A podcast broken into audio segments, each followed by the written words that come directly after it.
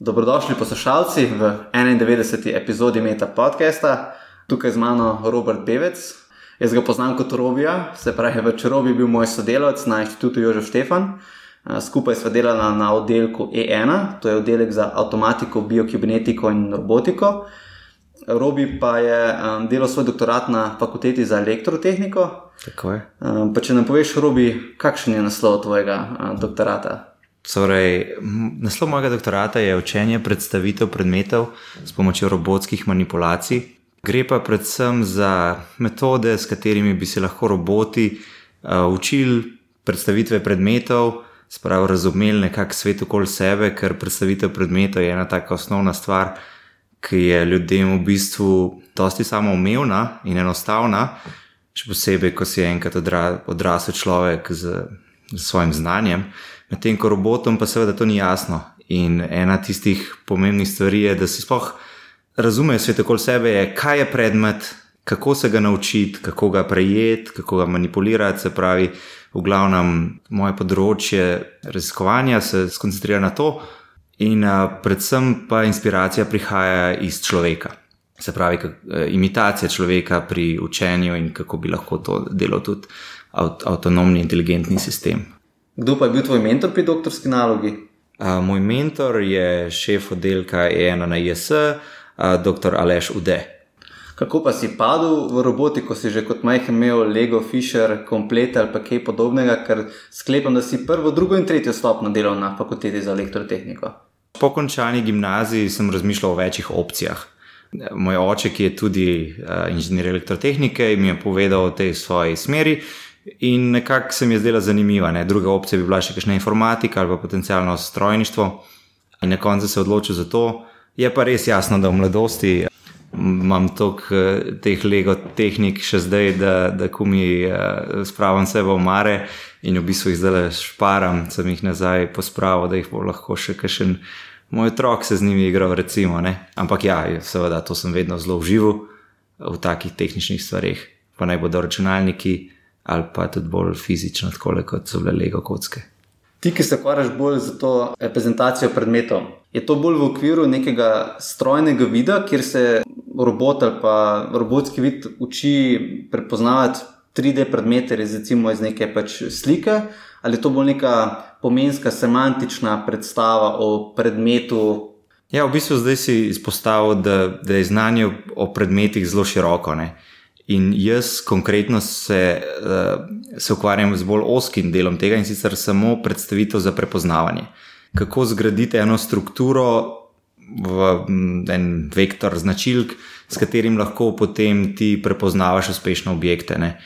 Sama potem lastnosti in te vse ostale stvari za manipulacijo, težo, ne vem, kaj vse si lahko še zmisliš. To vse spada k predmetom, ampak recimo, da se na to ne koncentriram toliko. Kakšna orodja, kamere, računalnike, robote pa uporabljaš? Tle bi izpostavil eno pomembno razliko med tem izključnim strojnim vidom, in ker to se razlikuje od strojnega vida, potem, da imamo tukaj enega aktivnega agenta, ki lahko vpliva na svoje okolje. In uh, to ni samo ena kamera, ki opazuje svet, ki bi bil lahko statičen ali pa tudi um, aktiven, ampak dejansko robot uh, z neko logiko sam proba vplivati na svojo okolico, narediti eno spremembo v tej okolici in iz tega izluščiti znanje. Ne. To je tisto, po čemer se to razlikuje od tistega čistega strojnega vida. In pa mogoče tudi lahko povem, da a, vse te nevronske mreže, ki jih uporablja recimo Google za prepoznavanje objektov, ne, to je vse bazira na enih ogromnih bazah označenih podatkov. Tukaj se pogovarjamo, da lahko robot začne brez predznanja in uh, ne rab vnaprej en, enega kup označenih uh, podatkov. Tako da potem se to razlikuje in je bolj uh, podobno človeku. Ti delaš bolj z klasičnimi industrijskimi roboti, ali so to bolj kolaborativni roboti, humanoidni? Se pravi, klasično imamo pač ponovadi dve, v mojem primeru celo štiri kamere, namreč za imitacijo človeškega vida, ki ima v bistvu zelo široko vidno polje, ampak nima iste gostote um, fotoreceptorjev po celotni retini. to imitiramo v bistvu z dvema kamerama v vsakem očesu z različnima goričnima razdaljami. Spravi, ena vidi bolj široko, ena vidi bolj osko, pa imate isto rezolucijo in efektivno imaš en ozek kot v, v, v dobri rezoluciji, pa še zmeraj široko, da lahko vidiš stvari. V perifernem vidu, kot rečemo. Ne? Tako da jaz imam te štiri kamere, ki sta v bistvu aktivni, to pomeni, da se robotsko premikajo v več dimenzij.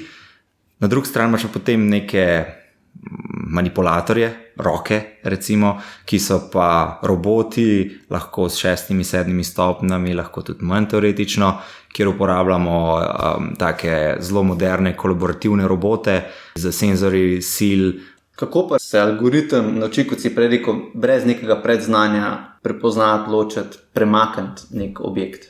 Vse ta moja metoda v ta sistem še zmeraj je nekaj vnaprej programiranega ne? in to je tisto, iz česar res pišem doktorsko nalogo. Ampak robot v bistvu dela hipoteze na podlagi nekih 3D značilnosti, kaj bi mogoče bil objekt, in potem te hipoteze preverja z potiski, ki um, ne rabijo biti natančni, ker mi si moramo predstavljati, zdaj, da to poteka zelo podobno kot en dojenček, ki se uči, ne odrasel človek. In to je velika razlika, ker kljub temu, da je robot velik, ponovadi v velikosti humanoida, se pravi kot človek, so ti roboti še zelo, lahko bi rekli, neumni in so na nivoju dojenčkov. Ne? In to pomeni, da bodo razbijali, prekucnili stvari, polomili, v glavnem, te stvari ne rabijo biti natančne in tako, kot jih uspemo mi delati. Tako da robot v bistvu uh, dela take premike, ki morajo samo narediti eno spremembo v svetu. Tako kot dela tudi dojenček, ne? malo tam začne neki brcati, porivati. Iz teh sprememb, ko pa opazuje, in to naj bo z vizualnimi senzori, jaz konkretno uporabljam tudi nekaj touch senzorjev v roki, ne? v dlani. Iz teh podatkov je treba izluščiti znanje in si začeti delati predstavitve sveta okoli sebe koliko ponovitev bi rabo robot, da bi uspešno uspel recimo, premakniti ali zagrabiti ta, ta predmet. Se pravi, v mojem primeru, recimo jaz pred robota na mizo ponovadi vržem par predmetov in nekako mu rečem, zdaj pa ti raziskuj. In uh, te premiki so dosti počasni, zato da so varni, in tako naprej. In on bi recimo en konkreten pre predmet verjetno potisnil okoli desetkrat, mogoče tudi kjerkrat več, potem bi ga pa tudi že probo parijet. In uspešnost tega bi bila 80-odstotna, če so to zelo enostavni predmeti. Ampak taki predmeti, ki jih imamo veliko okoli sebe, v resnici, če pogledamo, kar nabavaš v trgovini, v resnici niso zelo kompleksne oblike. Tako da v takem primeru bi bil relativno uspešen pri tem, da zadevo prime in, in jo ima v roki. Ampak kaj pa s tem narediti, pa druga stvar. Si svoje znanje, ki si ga razvijal za časa doktorata, uspel tudi na kakšnem drugem projektu aplicirati, si sodeloval pri čem mogoče malo bolj da ne rečem aplikativnem ali pa industrijskem, ki si bil na Jožefu Štefanu. Se pravi, ta področje percepcije se sicer lahko prenese na velik stvari. Recimo, jaz sem tri mesece upravljal tudi raziskovalnega sodelovanja v Španiji, v Sevilji, kjer imajo eno odlično univerzo, ki se ukvarja z droni. Tako da sem v bistvu svojo metodo za a, učenje predmetov. Smo, smo predstavili na drona z dvema kamerama in je letel okoli predmetov in s tem izluščil um, kaj bi bil predmet, cilj je bil tudi, da ga prime in lahko prenaša. Um, seveda, v bistvu to, to spada v področje umetne inteligence in je zelo široko, se lahko aplicira in ima tudi ogromen potencial. Zdaj na inštitutu Jožef Štefan smo pa v tem času imeli en zelo industrijski projekt, kjer smo poskušali prenesti veliko teh raziskovalnih znanj v industrijo, ki me je v bistvu zelo zanimalo in tam sem se tudi, bi rekel, najbolj našel ker uh, vidim, da me to najbolj veseli, ta prenos tega raziskovalnega znanja v res industrijo, kjer je treba poskrbeti tudi za ene, en kup enih drugih um, stvari, da me to najbolj veseli. Ne? In tam smo poskušali prenesti ena ta znanja, ampak v zelo osnovni obliki, v bistvu še zmeraj, ker v industriji morajo stvari delati in uh, ni čisto kot v raziskovanju. Torej, kot si zdaj povedal, si, si ugotovil, da um, te zelo zanima ta bolj praktičen, aplikativen vidik, ki je sploh v industriji. Eh, kot si sam rekel, pač malo drugačen, moš poskrbeti za en kup drugih omitev od varnosti, da je zadeva res zanesljiva in tako naprej. In tudi pred kratkim si mi zaupal, da tudi sam zdaj greš pol uh, v te vode, kam se v bistvu odpravljaš po novem letu. Ja, zdaj bom začel eno novo službo na položaju vodja razvoja industrijske robotike, podjetju Ernemics, ki se primarno začel leta 2009 ukvarjati z droni, čeprav mene v bistvu bodo ponudili za moje znanje o arhitekturi, komunikacije, vodenja, simulacij in teh stvari, ki se bo primarno nanašal celo na bolj industrijske robote, hkrati pa tudi jasno na drone. To je bolj eno tako start-upovsko okolje, kjer imamo res velike plane in se ukvarjamo z res zanimivimi stvarmi. Imamo v bistvu res dobrega strateškega partnerja, ki nam ponuja svojo domeno znanja v industriji kot možnost za našo učno področje in da mi probamo tam aplicirati te naše ideje. Tako da jaz se že zelo veselim, da tam začnem in uh, bomo delali res zanimive stvari. A se spomniš, kakšne zabavne in zanimive anekdote iz časa študija? Zapravo, mislim, ta doktorski študij tek ne poteka tako kot do diplomski študij, ne tako da stika s sošolci in takih anekdot s profesori, pa sodelavci je bolj mal. Ampak lahko pa povem, da ko delaš z roboti, ne z algoritmi vodenja, pa to ne, da ko gre neki narobe, lahko človek za Švica, ne, to hiter. da se sploh ne moš predstavljati. In to za tiste hladne, debele uh, kaple znoja, ki ti pretečejo v treh sekundah, ko robot naredi nekaj, kar nisi pričakoval. Ker um, dejstvo je, da tudi mi gremo zelo hitro iz ideje do implementacije na realnem robotu, in vmes gre tudi nekaj narobe. Tako da take stvari so ponovadi za vse ostale zelo zabavne, za unga, ki pa to povzročil, pa kar stresne.